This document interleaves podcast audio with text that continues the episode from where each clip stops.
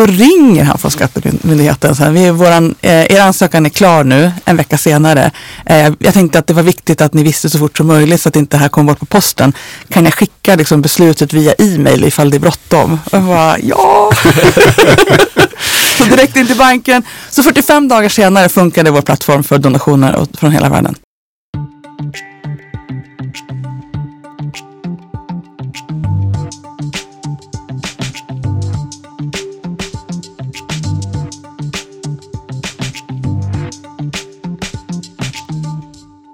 Henrik, Yes Ted! du ser pigg ut. Pigg och fräsch. Det är ju sommaren som börjar komma in ändå. Ja, och Eh. du låg och grubblade på sommarkampanj, hörde jag. Ja, eh, det ska göras en engagemangskampanj i slutet på juli, början på augusti. Spännande. Och sen är det val. Och Mm. då ska vi prata de frågorna på Neuro. Så det är full fart på Neuro. Mm. Hur är det på Operation Smile? Det är full fart, eh, även om inte valet är en av våra stora frågor. Så Men ni ska vara i Almedalen. jajamän, för första gången. Eh, men vi skippar då liksom eh, biståndssvängen och kör tillsammans med Dagens Industri eh, och Resumé. Eh, så det blir spännande. Mycket intressant. Mm. Prata företagsinsamling då. Mm, precis, precis. Jag kommer sitta i publiken. Ja, vad kul. Heja på oss. Heja på er. Ja. Hur är formen då? Du tänker på maratonspringandet? Jajamän. Eh, jo, men i slutet på maj så gjorde jag ju ett litet eh, test och eh, då låg jag i fas. Får vi se här nu, slutet på juni är det nytt test, eh, Mm. lite längre, ligger jag fortfarande i fas. Mm. Eh, själv, du har kört eh, ö till ö. Nej, det har jag inte. Nej, men du har jag har testat swimrun i alla fall. Eh, och det var kul, absolut. Så jag känner mig redo. Vi ska ju då springa maraton i oktober. Just det, I Lissabon till och med. i Lissabon Vi till med. kanske ska starta en varsin insamling till det här. Ja, En egen insamling. en egen... Testa in- på det. Testa! Hörru, vi drar igång varsin egen insamling eh, på de plattformar som vi har på våra jobb. Mm. Eh, Ja, för jag tänker ju samla in till Operation Smile. och jag till Neuro. Ja. Och så sen så eh, tar vi med oss eh, två mikrofoner från Kristoffer och studion. Och så sitter vi nere i Lissabon efteråt och summerar både loppet och insamlandet. det var ju en jättebra idé. och då pratar vi egna insamlingar den gången. Ja, men det, det gör vi inte idag. Det gör vi inte idag. Utan nu hämtar vi inspiration från insamlingsforum. Det gör vi verkligen. Vi har ju bjudit hit en eh, gäst som vi blev eh, väldigt eh, fascinerade av. Det var ju egentligen inte hon som fick pris, men det var henne vi blev fascinerade av. Utan det var ju då årets insamlare person som gick till vdn för Länsförsäkringar i Sörmland Eh, där man hade bestämt sig för att eh, samla in eh, lika mycket pengar som eh, lika mycket pengar till personer som det bor i Sörmland för eh, vaccinationer och vaccin forward. Att någon annan ska få en vaccin. Mm. Och då fick vi upp ögonen för Vaccin Forward eh, och fick en liten pratstund med Elisabeth som grundade denna organisation. Eh, och därför eh, fick vi feeling och bjöd in henne för ett helt avsnitt. Yes! Så det är lika bra vi inte lättar på trycket utan öppnar på dörren. Det är väldigt varmt i studion nu. Eh, och så får Elisabeth komma in. Välkommen! Och in i studion har nu Elisabeth Tand Ringqvist kommit. Det ska bli väldigt spännande att sitta ner och prata med dig här. Berätta lite grann om vem du är. Det började i Östersund. Ja, vi gör det. Det börjar i Östersund och det, man kan säga att eh, ett, man ska inte gå tillbaka för alla långt tillbaka i grundskolan. Så när jag var 20 så startade jag mitt första företag och så blev jag invald i kommunfullmäktige i Östersund och satt i miljö och hälsoskyddsnämnden. Och sen har väl de två spåren förföljt mig hela livet. Det är ett företagande, ibland har jag drivit företag, ibland har jag jobbat med att förbättra företag. Vad var det du startade för företag? En eh, camping. En camping? Nej, jag startade inte campingen, men jag och två tjejkompisar vi arrenderade en camping två mil utanför Östersund. Och så drev vi den som eget bolag. Eh, och eh, man ska kanske tillägga att min pappa eh, var entreprenör också. Så när jag kom hem och sa att vi tänkte arrendera campingen där borta i Lit. då var hans första fråga, vill du låna bilen? Och jag har förstått att alla föräldrar reagerar inte så. och jag var den som, eh, så vi gjorde så att vi jobbade ett dygn och så var vi lediga två dygn. Och när man var ledig fick man åka och hämta ja, mjölk och såna varor som vi ville sälja på campingen. Och så var jag arg för att man inte kunde, så här, hotdogs som var prismärkta redan när man liksom hämtade dem hos grossisten. Vi ville ha högre priser för vi tyckte att vi serverade någonting mellan liksom 20 och 22 på kvällen. Då borde man kunna ha ett prispåslag. Det var väldigt svårt att bryta det som en väldigt liten kund. Och ja, så det var bra. Det var bra marginal att sälja korv till norrmän som hade spelat bilbingo. Jaha, okej. Okay. Jag utvecklar affärerna och mina två andra eh, medgrundare, eller vad säger, man säger, så säger man väl idag, men ja, medentreprenörer, eh, de eh, höll ordning på att vi verkligen betalade skatter, tid och moms och, och kollade på, då höll man ju fortfarande på och gjorde bokföring på papper. Mm. Okej, okay, så det var det eh, det började med? Det började det. började det med. Och eh, sen har du tutat på med företagande? Ja, det har jag, på, på olika sätt. Både företagande och samhällsförändring är de saker som jag har liksom, gillat och, eh, och, jobbat med under livet. Eh, när jag var på McKinsey så började jag, så, ja, då jobbade jag mycket med som företagsledningar som strategikonsult. Men eh, jag var jättenyfiken på att jobba med eh, som de, globala in, liksom, de globala organisationerna som Världsbanken och Unicef och sådär. Så hörde jag talas om att det fanns något som hette Bill and Melinda Gates Foundation som satte upp helt nya strukturer och det tyckte jag var superspännande för jag tyckte att de, många av FN-strukturerna verkade ganska, eh, redan då, det här är ju 20 år sedan, eh, var kanske eh, inte så effektiva som man skulle tänka sig. Och så hade ju även Bill Gates tänkt, så då startade han eh, bland annat då Bill and Melinda Gates Foundation. De gick in med mycket kapital i eh, vaccinalliansen Eh, men också i någonting som hette Fonden för AIDS, TB och Malaria. Och eh, ja, så fick jag möjligheten att eh, jobba med det under ett år. Så jag var utlånad från Stockholmskontoret till, eh, ett, eh, till Washington. Så det var ju det är verkligen superspännande. Eh, och så hade vi ett supersvårt problem. Mycket super här. Men ett svårt problem som handlade om hur man skulle få vaccin till utvecklingsländer snabbare. Och då när, när de var färdiga här i, liksom, i västvärlden så tog det oftast 15-20 år innan de faktiskt hade rullats ut i andra länder. Och om man tror på att vaccin är bra för, för barnadödlighet och eh, en grundbult i egentligen att få ordning på, alltså att få familjer som är liksom, färre personer, vilket gör att det är lättare med att få mat till familjen. Att vaccin får en så stor effekt på fattigdomsbekämpning. Um, så då hittade vi ett sätt att ehm, rulla ut vacciner och få, ja, länder skulle vara förberedda och pengar skulle finnas. Alla skulle liksom vara sam, på samma plats samtidigt. Och det jobbar de fortfarande med. Jag träffade eh, Melinda Gates för några veckor sedan och då berättade hon att det programmet vi hade startat för något som heter rotavirus som är sånt där ja, magsjukeproblem. Det håller nu på att rullas ut i Indien. Så det var kul. Roligt. Mm. Spännande. Eh, och, och, I slutändan så kommer vi komma fram till Vaccin Forward. Det var vaccin här också, men du har gjort saker och ting däremellan. Vad har det handlat om då? Ja, men efter eh, att ha hållit på med de här stora organisationerna så insåg jag att det eh, här med politiken är ganska intressant. Jag har gått in ur, ur politik som fritidspolitiker mycket. Aldrig, all, liksom alltid tyckt saker. Eh, jag tänkte att jag kan gå in och hjälpa till att förändra något.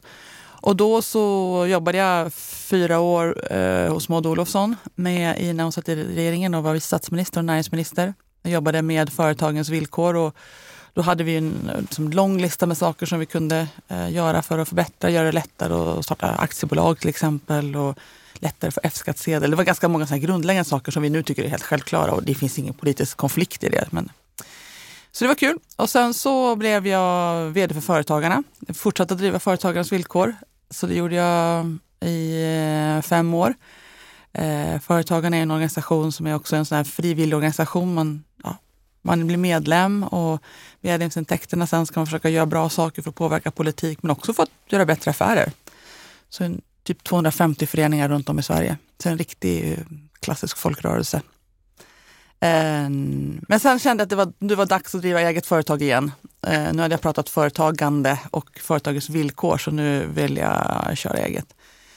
så höll jag på med no och utvecklade några affärsidéer som inte blev någonting. Det ska man också Camping? göra. Nej. Nej, då var det faktiskt en snygg cykelhjälm. Jag tyckte att de cykelhjälmarna var så här, jag pratade om cykling förut, men alltså, det måste finnas något annat snyggt sätt att göra en cykelhjälm än så som de ser ut idag. Och det finns det, men det, bara, det tar ett par, tre år innan man får dem liksom, Och göra dem? kraschgodkända. Nej, göra dem går bra och designa dem går bra. Men att få igenom dem genom... Jag vill använda nya material som är tunnare, starkare för att vi har samma, nästan samma material som det har varit i 40 år i en, i en hjälm. Eh, och jag hade varit mycket på KTH och sett att på deras materiallabb att det fanns ju liksom superavancerade material som skulle gå få, få hjälmen lättare och tunnare. Men jag fastnade där i, när vi hade utvecklat prototyper, att det skulle ta så otroligt lång tid att få den godkänd. Ehm, det är därför alla hjälmar ser ut som de gör. För att, förutom, eh, förutom Hövding då, som Mm. tog sig igenom den eh, testperioden. Och jag hade lite för dåligt tålamod med det. Sen är jag på och utvecklade ett, en, en sminkprodukt med ett nanotekniskt material från Uppsala. Vi åkte in i patentproblem, så blev det ingenting av det. Men eh, sen började jag med att investera i andras bolag istället.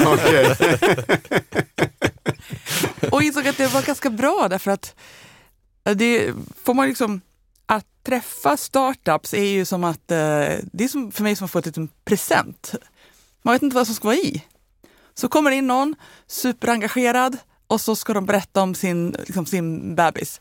Och gör de det på ett sätt så att jag förstår att de är beredda att gå igenom liksom, eld och vatten för att få igenom sin idé och jag kan se att de, det finns en marknad och sådär. Det, eh, så är det jätte, jätteroligt. Är det som Draknästet på tv? Nej, det är, det är det verkligen inte. Det är värre. Eh, nej. nej, men såna här eh, som man kallar för pitchtävlingar, där Ja. man kanske liksom får två minuter. Det är ju bra om man inte vet, om man inte vet som investerare vad man ska investera i. Så får man snabbt se liksom en, ett stort gäng personer och så kan man efteråt gå och prata med och få liksom en, en, en längre tids eh, intervju. Eh, jag sitter alltid minst en timme med, med någon. Men i första utsållningen kan det vara bra eh, att, att, få- att få såna korta pitchar. Men det är ju, eh, jag tycker också att jag har ett ansvar som, som investerare när jag träffar bolag och tar deras tid. Det är också att ge frågor och ställa frågor som gör att de kan utveckla sin idé och få med sig någonting även om inte jag kommer investera i det. det är ju, vi är ju en del av ett, som ett ekosystem Mm. som man ska hjälpa varandra. Så det är, en, nej, det är väldigt roligt. Och det är så olika um, varför, varför folk har startat företag. Ehm, det är sällan de som har startat företag för de kommer på ett jättebra sätt att tjäna pengar. Det brukar inte liksom, ta dem så långt. Vi är ju inte mest liksom kända för vår research kanske, men när man googlar på dig så det första som kommer upp är en Wikipedia-sida. Ja. När får man det? Ja, det, det där, jag vet inte riktigt. Jag fick den, eller den gjordes i samband med att jag kandiderade till riksdagen 2010. Eh, och då tror jag det var någon i mitt, mitt team som gjorde den. Ja. Och sen så har den väl liksom uppdaterats eftersom. Och då vet jag att det var... Sen har du fyllt på den. Eh, jag, jag har korrigerat årtal tror jag. Eh, men eh, jag vet att det var en diskussion då om jag var tillräckligt, eh, det finns en diskussionstråd bakom. Är hon tillräckligt känd för att ha den här Mm. sidan? Och så var det någon som hade, och sen så var det någon sorts debatt. Eh, och också så här, jo men eh, det, det, det verkar så. Vilket blir en helt bisarr diskussion. Fick påminna om ett, när jag var på ett entreprenörsevent i Los Angeles. Eh, och så var det, så kommer fram en kille som är så här, So how famous are you? det är inte en fråga man får så ofta. Well in Sweden, in certain uh, sectors, people might know my name. Skulle bara sagt you can look me up at Wikipedia. Exakt. Ja. Ja, men du, eh, corona eh, gjorde ju att vi tog en liten eh, break här eh, med eh, podden. Eh, men vad, vad hände i din värld när corona slog till? I min värld så hände det mycket. Det var ju väldigt många uppdrag som försvann. Um, eh, det var våra företag i, i många företag i liksom portföljen. Det som jag startade som heter E14 Invest, jag, jag investerar inte själv alltihopa. utan Jag var med och startade med några personer en, eh, ett saminvesteringsföretag eh, heter det. slarvigt kan man säga affärsängelfond men inte någon riktig fond. Men i alla fall, vi har då investerat nu i ett 20-tal bolag. Och de fick ju jättesvårt att hitta kapital för alla kapital, alltså alla drog ju väldigt hårt i bromsen och ingen ville liksom investera i någonting okänt. Exakt samma sak ser vi just nu faktiskt. Men, så det var det första jag tog gjorde och tog hand om de bolagen och försökte säkerställa att eh, vi tillsammans eh, i, i grundarteamet för E14 kunde hjälpa våra företag på bästa sätt. Um, så det var, um, det var en tuff tid men alla klarade sig uh, i bolagen. De var exponerade mot helt olika marknader. En mot skid, skidmarknaden, uthyrningsmarknaden. Den dog ju uh, ganska friskt då i två år. Det var supertufft för ett litet företag. Men sen när, jag, när det var liksom klart och, och jag insåg när, när vaccinerna började komma på plats, då tänkte jag så här, men om jag får mitt vaccin då borde jag ju, och jag kommer få det gratis, då borde jag kunna skicka iväg liksom vaccin, eller pengar till vaccinationer till personer som inte kommer få det gratis eller där det kanske inte finns en stat som kan betala för det. Då gick jag in på nej, Vaccinalliansens hemsida som jag hade då jobbat med för eh, som nästan 20 år tidigare. Och då kunde man säga, vill du donera så fanns det mejla info at typ gavi.org. Det här, det här kommer inte funka. Men det borde finnas ett uppdämt intresse. Så var det ganska kallt. Jag jobbar ju mycket då. Den här affärsängelfonden finns ju uppe i Åre, så jag var där mycket i januari. Och var, men det var kallt, man kunde inte åka skidor. Vi gick och funderade på den här idén. Och sen så några dagar och sen har jag tjatat ut min kompis eh, liksom, tid där i liften eh, när vi ändå var ute. Så sa men du, nu har du pratat om det här i fem dagar. Nu får du testa liksom, om det blir någonting. Eh, för du kan ju tydligen inte släppa det här. Och hon, kände, hon, var, hon var den som och startade campingen. Alltså, okay. det, när vi var 20. Så hon kände precis igen beteendet. Så, så hon kände att det här är inte så här, du vill verkligen bygga om huset nu. Så nu har du snackat om det ganska länge. Så då så uh, pratade jag med en, uh, en del i mitt uh, nätverk då som, i USA som jobbar på lite olika ställen. Så här, finns det här? Är det någon som håller på att tänka på det? Och fick tillbaka att nej, det är faktiskt ingen som har tänkt på det ännu så, och det vore nog väldigt välkommet om det fanns. Ja, och sen satt vi tog ihop lite folk i mitt nätverk ehm, och eh, tog en söndagslunch och sen så sa vi att eh, ja, men fem miljoner, får vi ihop det så är det fantastiskt. Då är det liksom värt vår tid, fem miljoner kronor.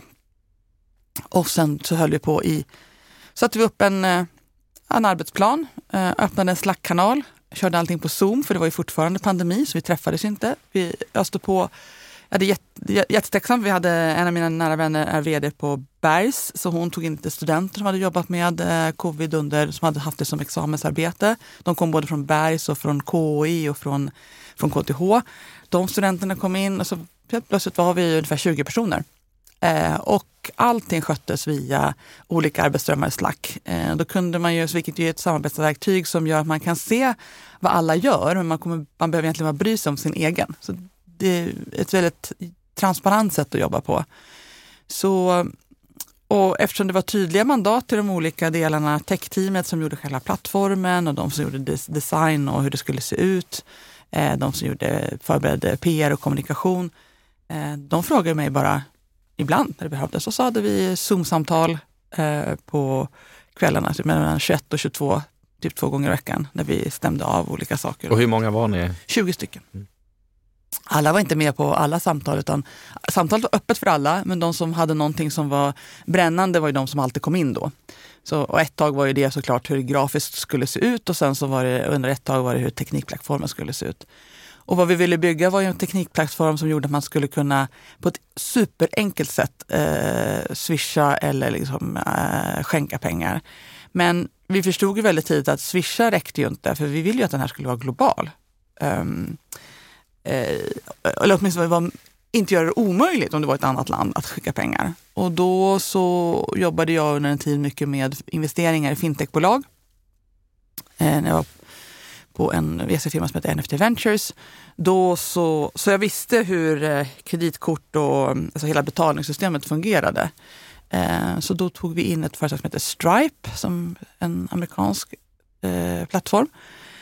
Och vi fick också så mycket hjälp. Alltså i, verkligen, kolla LinkedIn. Känner jag någon som jobbar på Stripe? Ja, det gjorde jag. Eh, han som var public affairs-ansvarig i Europa kände jag då. Och så sa jag, men vem ska jag prata med? Så jag fick alltid hela tiden interna ingångar från våra nätverk och kände inte jag någon så var det någon annan som kunde få till det. Och det var som att det också ett uppdämt behov då i januari för ett år sedan, eller drygt ett år sedan, med många människor som var inom... Säga, är det januari 2021 ni här, drar igång det? Det här är januari 2021.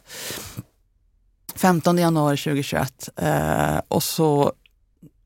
Som att personer som fanns inom som mer så här, tänkarindustrin som inte riktigt hade kunnat vara med och hjälpa till under covidkrisen. De kände nu, nu kan vi vara med och göra någonting. Nu har vi chansen. Ja, och sen hade vi en sån här sak som att ska man då ha betalningar från hela världen eh, så måste man få in, eh, få ha en bank som säger att det är okej. Okay.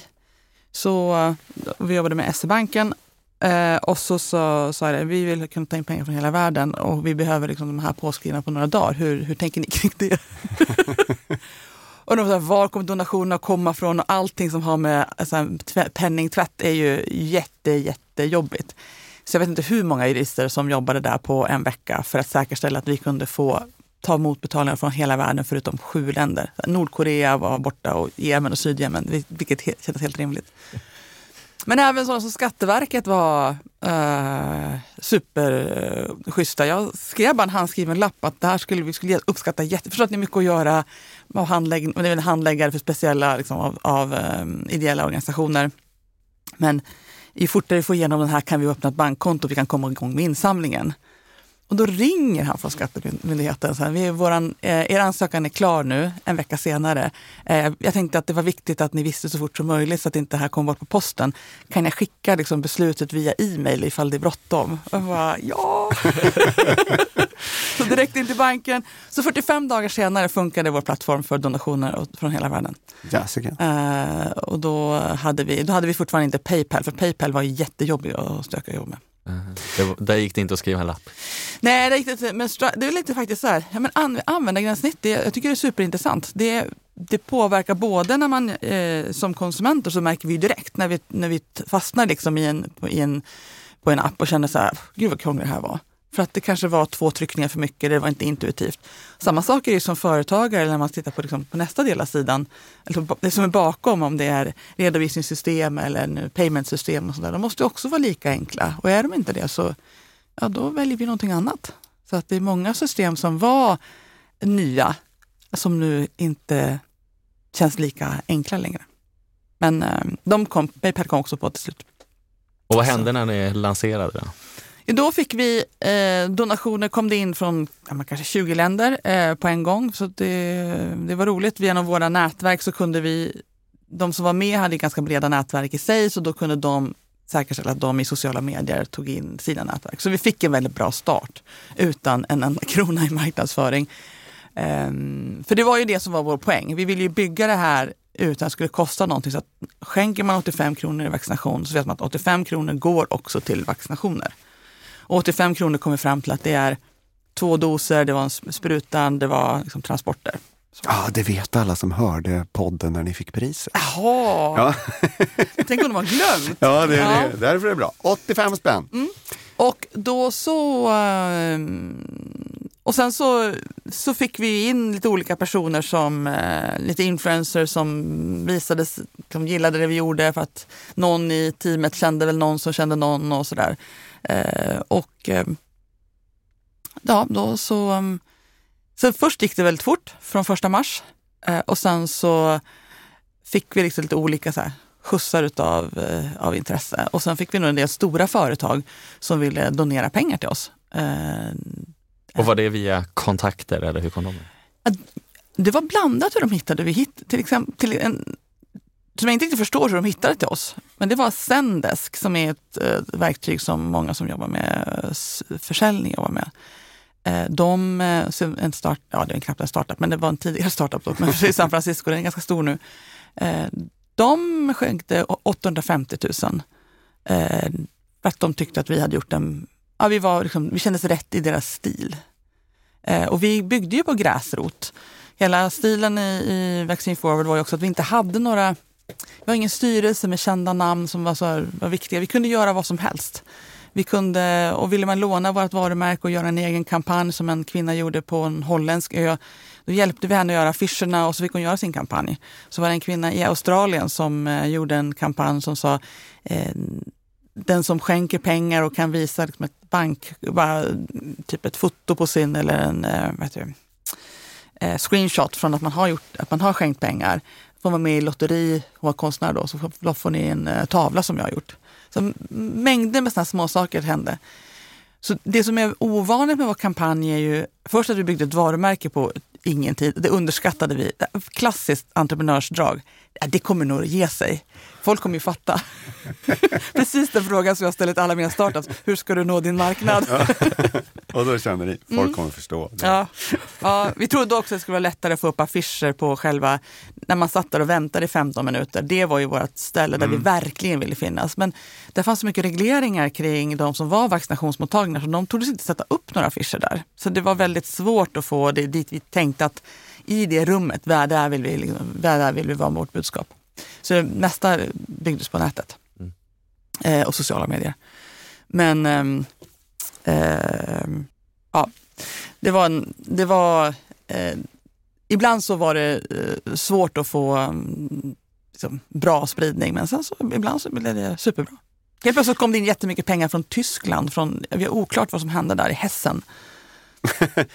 men eh, när, ni, när ni drog igång det här, mm. Eh, ni tänkte att ni hade er målgrupp, ni skulle må, nå den här marknaden, ni hade idén. Men tänkte ni er att eh, vi ska bygga en insamlingsorganisation? Um, alltså vi hade ju ett mål att det här skulle vara en ettårig organisation. Det skulle bara, den skulle bara finnas för den här uppgiften. Mm. Och när vi började så fanns det ju inga andra. Sen så var det så att i, om, vi, om vi lanserade första mars så kom WHO med en egen kampanj som var precis, som i princip en kopia av vår, vår eh, eh, som de lanserade i slutet på maj. Eh, så då kände, hade den funnits innan, då hade vi ju inte, då hade vi inte gjort det, för då fanns ju något annat. Vi tänker ju lite grann som företagare, som entreprenörer. Finns den, man gör en konkurrentanalys, vad, vad kan vi bidra med? Vad gör vi någon marginalnytta? Eh, och sen hade också eh, Unicef hade också en kampanj i slutet, eh, i början av sommaren. Och sen i höstas så hade Unicef i Sverige en kampanj att man kunde skänka pengar till vaccinationer. Eh, men ehm, eh, så vår, vår tanke var att det här ska finnas för, en, en, för covid. Men våra, våra stadgar är faktiskt skrivna så att skulle det hända en ny pandemi då kan vi liksom använda samma organisation igen. Den behöver liksom inte den behöver inte läggas ner på det sättet. Utan den, kan, den kan sova om vi skulle behöva göra en ny. Är ni igång fortfarande? Mm, vi är igång fortfarande och det kommer in pengar lite grann eftersom eh, covid är ju en, fortfarande en eh, sjukdom som finns runt om i världen så att det kommer in eh, pengar via Facebook-insamlingar och ja, spontana insamlingar och en del organisationer som har haft, eh, kanske har haft ett covid eh, mandat som är nu inte riktigt... Eh, de kanske var, ja, de skulle jobba med någonting som hade med den mer akuta fasen i covid. Då skänker de resterna av sina pengar, om de har, haft, om de har samlat in pengar, så är det några av de som har skänkt eh, pengar då till, till oss. För de tycker att det är ett bättre sätt än att de ska skicka tillbaka pengar. Det kanske är 50 eller 100 000 som de har kvar i sin kassa. Eh, så det är ju det är fantastiskt bra, för då kommer de ändå på något sätt på samma eh, inom samma område som deras organisation var grundad. Men, men eh, det vi, det vi, vi tittade ju också såklart på, det finns ju eh, betalningsplattformar som man kan köpa som en tjänst. Det finns ju en insamling, framförallt i USA finns det jättemånga sådana som du bara, men, om du har en organisation som är ja, för Jack Russells bästa, eh, så inser man att det kommer inte gå att bygga en egen betalningsplattform för det så kan man köpa den tjänsten. Eh, men de tar mellan 5 och 10 procent av beloppen. Så de är ganska dyra. Det var det som vi tyckte var, eh, när vi utvärderade dem från början, jag tyckte att det var liksom nästan ett rån mot, eh, eh mot en insamlingsorganisation. Och vi tyckte inte heller att användargränssnittet var tillräckligt bra. Vi ville ju att absolut skulle ha kopplat också till Apple Pay och Google Pay så att det bara skulle kunna vara tre klick bort så ska du kunna skänka pengar. Eh, det var en, har varit en tech-ledstjärna för oss. Och det är väl för att vi kommer från entreprenörs och techhållet och inte från insamlingshållet. Vi tar heller inte in en massa information, vilket jag tycker att insamlingsorganisationer ibland går bort sig i. Du måste fylla i ditt namn, du ska fylla i din e-mailadress, du ska fylla i massa... För de, de vill ha lite extra information hela tiden. Din adress. Det gör att du har tappat jättemånga vill du göra en, det kan man ha som en möjlighet. Vill du dela med dig av mer information för att få nyhetsbrev? Så har vi gjort. Så att vi kan ha en, en dialog med de som har skänkt pengar till oss, som vill ha det. Men den som bara ville göra en klick, klick, klick, de ska kunna göra det. Så det är min, min rekommendation att, att, äh, att göra den, den äh, se över sina såna här, eh, uh, hur man ska skänka pengar. Och sen det vi också hade som stor fördel för att bli en insamlingsorganisation, det var att vi inte hade något nationell hemvist. Alltså vi, var ju inte, vi har ju inte ett Vaccine Forward Norge och ett Vaccine Forward Danmark som måste visa sina KPI utan det spelar ju ingen roll. Du hamnar bara på vår sida. Eh, och sen, det säga, den översattes ju helt frivilligt då utav ett antal personer. Det är därför den finns på nio språk. Därför var hans personer i vårt nätverk som pratar portugisiska. Eh, och sa vi måste ha den här på portugisiska. Och så en kille i vårt team som från Ryssland, han tyckte att den måste också finnas på ryska. Och det blev jättekrångligt, vårt typsnitt passade inte riktigt för ryska. Och så där. Men eh, det, var, det var lösbart. Så det var ju enormt många frivilligtimmar som gick in i att få till det.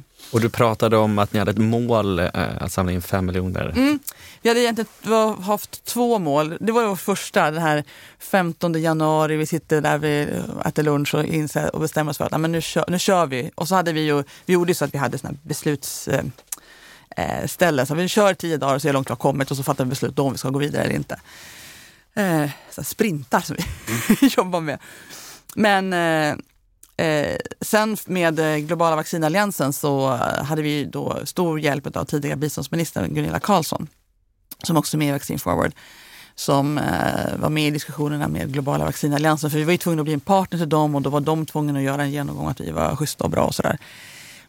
Och då så sa vi, att vi borde, om vi nu får upp det på 85 miljoner, alltså 10 miljoner dollar, då är, får vi vara med i styrgruppen för hela eh, här. Då sa vi, ja men det ska vi klara av. Vi har inte kommit dit, vi har kommit till 20 miljoner, men eh, vi tycker att det är, är, eh, det var en ambition att ta sig till 85 miljoner, men vi tog oss i alla fall till 10. Och ambitionen om 85 miljoner, den sattes ju i en tid när vi var de ensamma spelarna. Och sen gjorde ju WHO en egen mm. kopia på vår, så då var det lite svårare att hävda att vi skulle liksom bli den plattformen. Och hur har fördelningen sett ut då mellan länderna? Hur mycket kommer från Sverige och hur mycket eh, och vilka länder? Störst, från län, länder kommer faktiskt eh, eh, på, från privatpersoner så kommer det mest från Sverige. Eh, företag har fått ganska stora summor från Norge. Mm. Så, och sen totalt sett så är det väl det är över nästan 15 000 människor från över 60 länder som har skänkt pengar via vår plattform. Häftigt. Mm. Verkligen. Backa tillbaka, följdfråga på det här med, med att samla in data och, och sånt där. Om ni hade haft ambitionen att inte bara vara ettårig, hade ni tänkt annorlunda då eller? Nej, vi hade nog vi hade gjort precis på samma sätt för att säkerställa, men däremot ha hela tiden möjligheten att vill du ha en liksom, längre relation med oss så eh, gå här. Mm. Eh, för att när man, eh, när man eh, skannar en QR-kod eller kommer direkt in på, så här, då, på den här sidan, så var det viktigt. Den andra saken som var väldigt viktig var att man faktiskt såg hur mycket man bidrog med och hur mycket man har kommit upp i. Vi har ju den här vaccinräknaren som så fort man har skänkt pengar så syns, syns det att det, då ökar mängden vaccinationer. Eh, så det är en omedelbar feedback. Och hur många av de som har skänkt har liksom skänkt igen också? Ja, det vet jag faktiskt inte. Har ni något bra CRM-system? Det skulle man nog kunna plocka ut. Vi, har ju, vi använder Google Analytics och, så, så att det, och eh, Stripe-systemet i sig. Om man gör det går via kreditkorten kan man också göra den typen av eh, analyser. Eh, men det har vi faktiskt inte gjort. Jag har bara tittat på geografiska analyser. Det som Ted säger med CRM-system och så här, är det någonting som ni byggde själva för att det skulle passa er med en massa tekniker kring eller hur, hur gjorde ni, hur tänkte ni vi där? Har, vi har gjort, vi har byggt vi byggde liksom en legokloss i mitten och sen har vi bara satt på färdiga lösningar som, som, eh, ja, som, bara är, som är rimligt enkla att integrera med API. Vi har inte byggt någonting eget. Utan Google Analytics tar en väldigt långt när det gäller att förstå sin, eh, sin data. Eh, sen hade vi, det som varit viktigt var till exempel att vi, techteamet då som kommer från ett företag som heter June, som har varit med i det här, de eh, jobbar väldigt mycket med eh, livesändningar, till exempel. Vi pratade fotboll tidigare, så de gör sånt. Eh, och, så de är grymma på både säkerhet, stora datamängder och, liksom, och alltså millisekunderna i snabbhet som gäller. Så de satte den omedelbart på en plattform som gjorde att vi också fick, alltså att själva sajten laddade så fort det bara gick. Eh, den heter Tempel, eh, ett svenskt företag och det är också det var också betydelsefullt och det var betydelsefullt i hur man skulle också få upp rankingen väldigt snabbt i, på, eh, för indexeringen för Google. Så alla de här små sakerna som vi kan som tech, techpersoner var viktigt för att vi skulle, så att man skulle, vaccin forward eller vaccin donation omedelbart hamnade på vår sida. Mm. När ni byggde det här i den där gruppen av ja. Eh, människor, eh, hade ni med några som var fundraisers och, och, som jobbade insamling eller tog ni bara det ni hade med er ifrån ert egna och den ivern och körde igång? Ja, vi hade ingen som hade jobbat med fundraising överhuvudtaget. Förutom jag som jag har gjort lite fundraising för. Jag gjorde en fundraising-strategi för länge sedan. Jag jobbade med eh, Mentor. Ja, McKinsey jag jobbade med en del med Stadsmissionen. Så jag hade mer, men mer på en, då en vad säger, powerpoint-nivå. Ja. för att vara helt ärlig. Ja. Men ändå tänkt igenom en del kring fundraising. Och, och. Jag har sett fördelar och nackdelar med att ha eh, viktiga personer i styrelsen. Det som var väldigt skönt det var att vi kunde göra eh, beslutsfattarna hos oss var ju liksom supersnabbt. Vi ville göra någonting på morgonen. Jag fick en liksom, dammig av han som är, var, var, gjorde all vår formgivning. Ja, ska vi göra det här? Internationella kvinnodagen, borde vi inte göra den här då på sociala medier? Jo, kör! Ja. Gud vad skönt. Ja.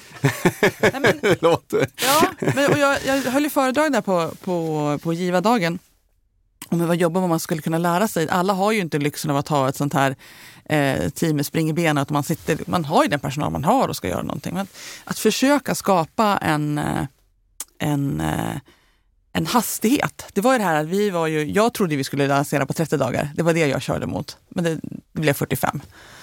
Det, är ändå, det, det gick ändå fort. Men eh, att ha den här liksom, lite andfådd hela tiden, framåtlutad. Mm. Att få försöka bygga in den känslan utan att man såklart människor ska ju må bra på jobbet. Men att försöka skapa det så att det team som gör det här verkligen får, eh, man tar bort en del av deras vanliga arbetsuppgifter så att de kan köra. För ja, det, det ligger någonting i det här i, i eh, framdriften som eh, gör att eh, ja, det går att bygga saker som man inte riktigt har tänkt sig eh, om man måste. Och det är roligt. Om man är lagd åt det hållet kanske. Ja, nej men det, och det är vi. Eh, men eh, det var ett eh, till tips till, till den här branschen. Mm. Har du ett tredje tips till den här branschen? Var lite schysstare att samarbeta mer. Jag tycker det är en väldigt så här, snål bransch. Jag, vet, jag har jobbat mest med den här internationellt, men Alltså jag, från entreprenörssidan så kommer man ju med att om jag hjälper liksom dig så kommer du hjälpa mig vid något annat tillfälle. Jag måste inte få det här tillbaka och jag delar med mig generöst och, och sådär. Men eh, eh jag upplevde inte, och vi var då som tyckte att vi kunde presentera det här med att kolla vilken plattform vi har gjort, så här kan man bygga den. Eh, på det här sättet kan man starta en insamlingsorganisation som är global på en gång, strunta i landsgränser. Eh, det var ju som att vi... Eh, folk tyckte inte att det var så kul för att vi utmanade ju andra såklart. Det hade jag inte tänkt på. Men i, i, i venturevärlden, eller entreprenörsvärlden, så blir man ju inspirerad av att någon har gjort det och tänker så här, där borde jag kunna ha gjort bättre. Varför tänkte jag på det där? Och vill lära sig istället och frågar hur har ni gjort? Eh, allting som inte såklart har med eh, kärnan som är oftast är skyddat av någon någonting hemligt. Men, men i, eh, åtminstone i nätverk och angreppssätt. Eh, så det var, det tycker jag har varit en tråkig lärdom. Mm, så att var schyssta och dela med er. Eh, det är bra för alla. För där har ändå vi någon slags bild av att vi är bjussiga. Ja. ja, men det, ja, det, det kanske beror på att uh, man vet vad man har varann i position till de olika organisationerna och helt plötsligt kommer en ny rackare här. eh, som ingen vet någonting om. Det är annat om det liksom kommer en stor global organisation och nu bestämmer sig för att etablera sig i Sverige. Okej, okay, ja, men då kan man positionera sig mot den också. Men, men också helt plötsligt, intressant att höra dig eh, säga just det, eh, komma som, som helt ny. Ja, Giva har varit supersmidiga. Ja, men där måste jag höra för att ni eh, eh du låg högst upp på, på eh, du hade en egen Wikipedia-sida när man mm. googlade dig. Det var det ena eh, man såg. Det andra som jag var inne och tittade på, det var ju naturligtvis på er sajt och såg att ni var ju väldigt tidiga och snabba med att skriva en insamlingspolicy och sådana saker. Ja. Eh, det var, det var rejält gjort. Eh, hur kom det ifrån Giva eller att ni liksom, det här måste vi ha? Ja, vi visste ju att vi var helt nya eh, och om man nu ska få stora samarbeten som det ser ut vi fick till exempel med SAS Eurobonus, då är de rätt rigorösa kring eh, att man också har, eh, att det är ordning och reda på var pengarna ska. Vi visste ju att vi kunde lita på oss, men det kan ju inte andra veta. Så det, det, var ju även alla stora samarbeten vi har gjort, och, men även de första donatorerna. Eftersom vi, vi, så vi behövde en organisation som kunde säga att vi ändå var, verkade rimligt okej. Okay. Um, även om vi var helt nya. Och då så finns det då antingen eh, insamlingskontroll, 90-konton, eller Giva. Och eh, båda två var jätteschyssta när vi hade diskussioner med dem om vad som var lämpligt för oss som bara skulle finnas i ett år eller kanske ett och ett halvt. Och då sa insamlingskontroll att det är inte riktigt så, ni, vi är inte riktigt riggade för just er typ av in, insamling, för det är en väldigt stor eh, eh administrativ börda för det. Eh, och medan Giva hade precis startat då typ ett instegsmedlemskap för sådana som är nystartade, som kanske inte behöver hela den här eh, kontrollen. Så då tittade vi på det som behövdes och så skrev vi det. Och jag har ju drivit ideella organisationer och varit med och skrivit policies i alla möjliga sammanhang. Så att det var ju bara att sätta sig och skriva. Eh, låna lite grann från olika och sen skriva på det som vi behövde. Damma av din powerpoint. Skriva, ja, men så här, det var så här, skriva stadgar, skriva protokoll från början, ha en styrelse som funkar. Alltihopa det där, det var ju det vi gjorde då inom de första 45 dagarna. Det var, eh, det var mitt nattarbete. men också så, och komma ihåg att skriva, men då var det då tillbaka till Juntech-teamet. Okej, okay, vi behöver en GDPR-policy, så det skrev de och så an, an, allting, så här, cookies och allt som skulle finnas på sidan. Så att det var klart. Och för det var viktigt för oss att, att det inte skulle vara någon som granskade oss från början och sa så här, nej men det här är bara liksom fejk. För då hade ju allt varit, eh, eller inte fejk men det finns liksom hål i det här. Det här är inte seriöst. Och de här gör det kanske för att få uppmärksamhet. Det var ju verkligen inte det som vi vill göra.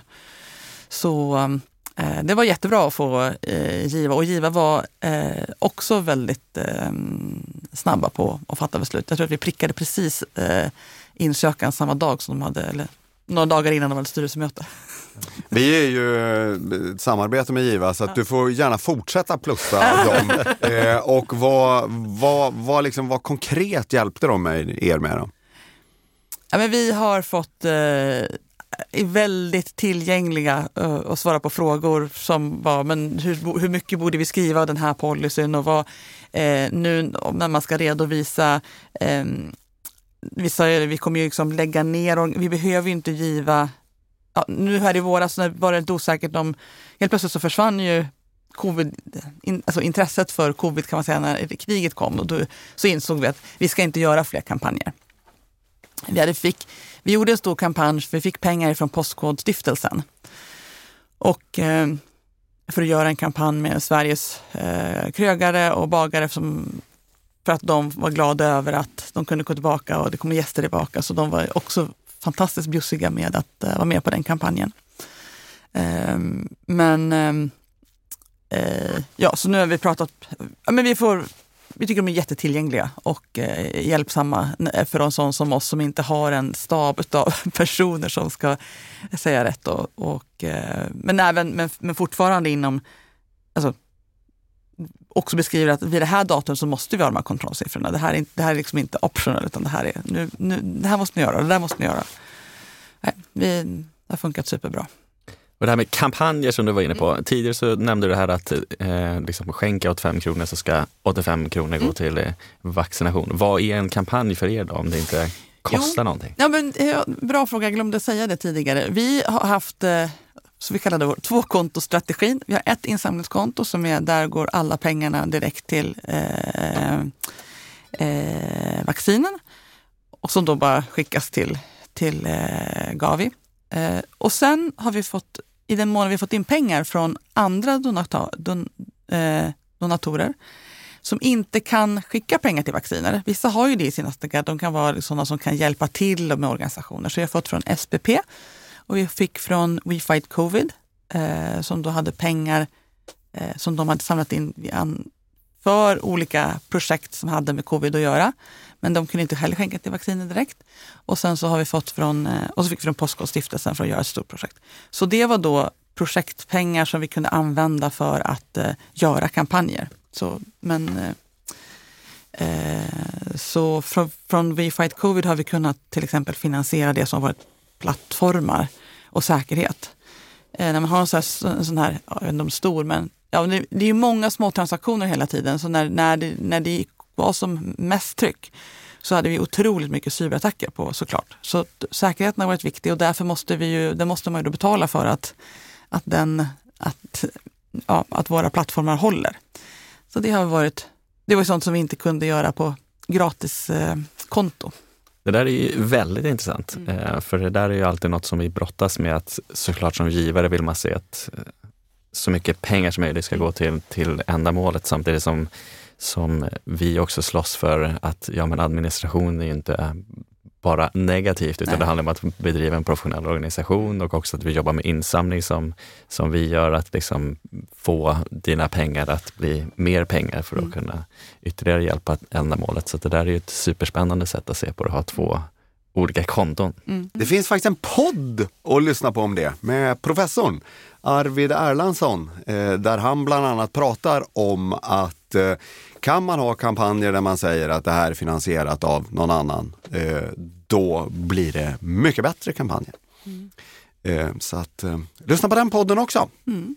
Har du häm- hämtat en inspiration från någon annan där? För jag vet, det finns ju Charity Water jobbar ju så. De har andra finansiärer för, för sina kostnader. Nej, det var nog bara sånt som vi kom på själva. Eller av, alltså säga, av nöden tvungen. Eftersom vi jobbade, alla jobbade ju helt gratis för att sätta upp det först. Eller ideellt heter det väl. Ehm, och sen så, så sa vi det, sen, men sen måste ju, sen insåg vi att det fanns vissa saker som vi var tvungna att köpa. Så då gick vi och hit försökte leta efter någon organisation som kunde, att vi hade 100 000 på kontot i alla fall så vi kunde betala eh, techplattformarna och sånt då, som eh, Ehm, och en del utav av ehm, utvecklingen som vi inte kunde göra själva, som vi var tvungna att köpa in. Så all, alla har inte bidragit gratis, men ja, till och med vår revis, vad heter det, inte revisorer, för de får man inte köpa ha gratis, de måste de faktiskt betala. Men däremot vår bokföringsbyrå, Saldo, de har jobbat med det här helt, också ideellt. Och vi fick jättemycket hjälp av Vinge med alla avtal som vi skulle göra, de jobbar också ideellt. Eh, stötte på saker som ett tag så tänkte vi ha, skala upp det här så att vi skulle ha liksom, vaccin forward personer runt om i hela Europa. Eh, och då insåg jag att vi kanske skulle helt plötsligt sitta med ett arbetsgivaransvar.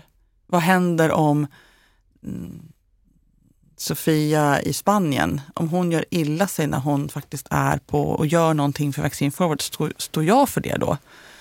Och då ställde jag den frågan till Vinge.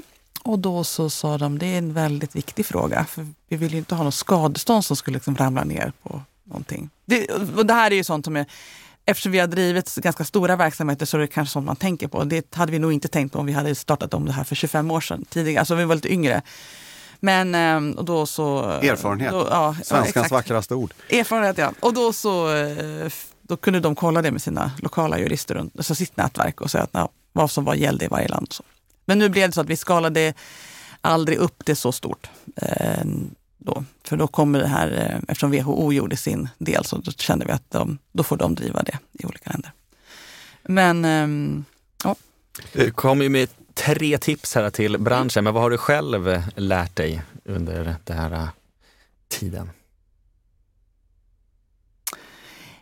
det här är väl ett farligt lärdom då som entreprenör, att, att det går att göra även när det är, eh, när det är eh, man tänker att det inte ska gå. Och att med väldigt mycket att ringa folk mycket.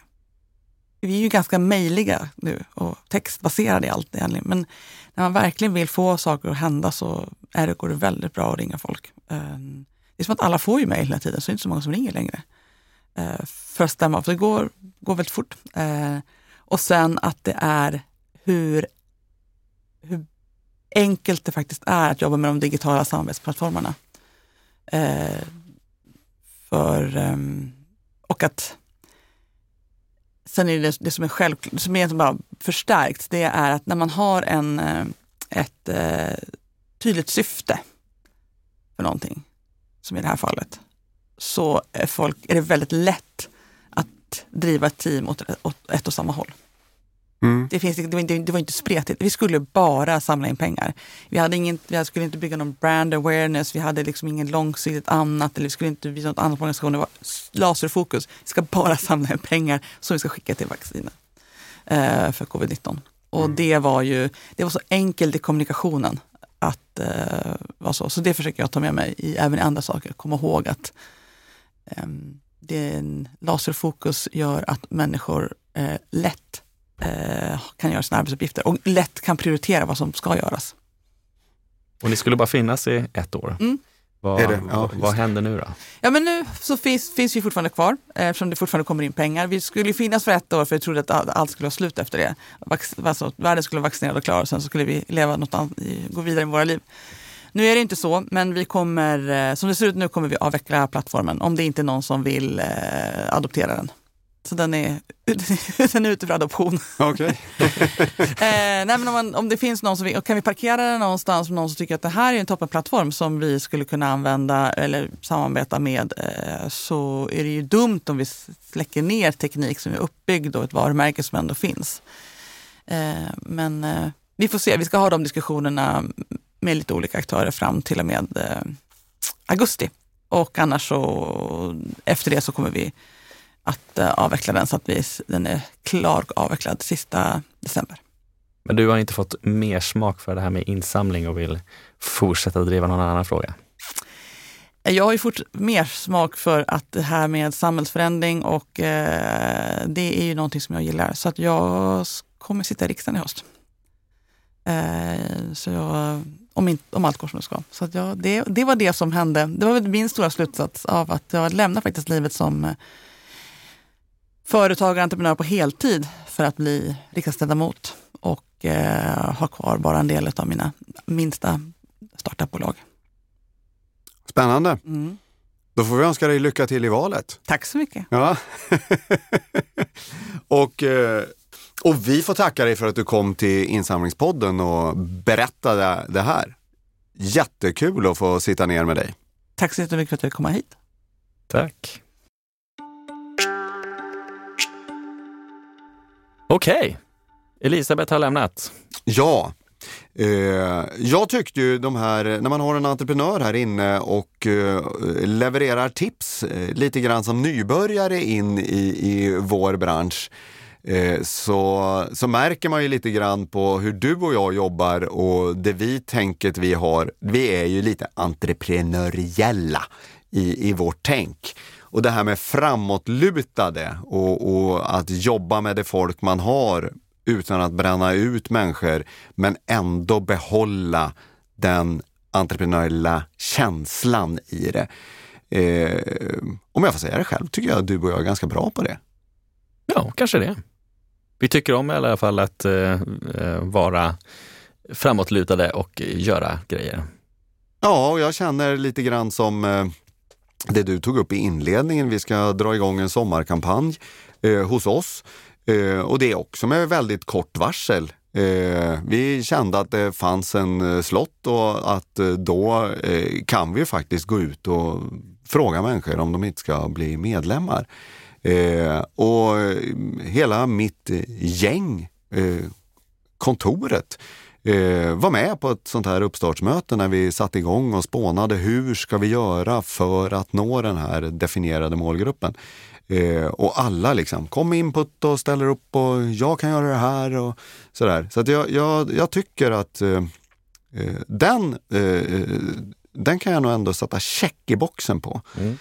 Ja, men, och det känns väl ändå som att det finns en vilja hos många organisationer också. Det har ju varit väldigt trendigt med agilt arbetssätt eh, och vi har haft flera organisationer som har nämnt det här i podden också. Eh, och att även större organisationer vill ha det här drivet och att det ska hända saker och att vi ska vara, kunna vara snabba. Eh, och det märkte vi inte minst då med Ukraina-insamlingen och hade Röda Korset här, hur viktigt det är att vara snabb och att vara först ut. Det gav ju dem ett väldigt stort försprång. Och då berättade ju Röda Korset väldigt öppet om hur de gjorde. Ah, nu leder du in på ett nytt... Nu leder jag in på andra äh, saken hon äh, tog upp, nämligen att hon tycker att vi, vi håller i och att du och jag säger ju alltid att i vårt samarbete här med Giva så, så är vi väldigt öppna och generösa med varandra och delar med oss. Ja, och det är därför vi har podden, för att alla är så härliga att dela med sig. Tyckte vi. Det tyckte vi. Men eh, det tyckte men ack så fel vi hade. Ack så fel vi hade. Nej, men det tyckte inte hon och det är väl kanske någonting som, som vi hela tiden måste, ja, man måste vara framåtlutad i det också för att jag tycker att det är en av vår gemensamma framgångar som, som bransch bygger på det här. Eh, så att eh, ja, vi ska lyssna på det där och gärna dela med oss mer. Och en passning till Iva. Det finns plats för hur många frukostmöten som helst. Verkligen. Och jag menar, det är ju det här som du var inne på, att det är väl det att de kommer som en ny uppstickare och ett annat sätt att tänka och att då kanske det inte finns den här öppenheten. Eh, men de vi har koll på, då finns det öppenhet. Ja, ja men så, så, så var det, det kanske. Vi måste välkomna alla våra medlemmar och nya tankar.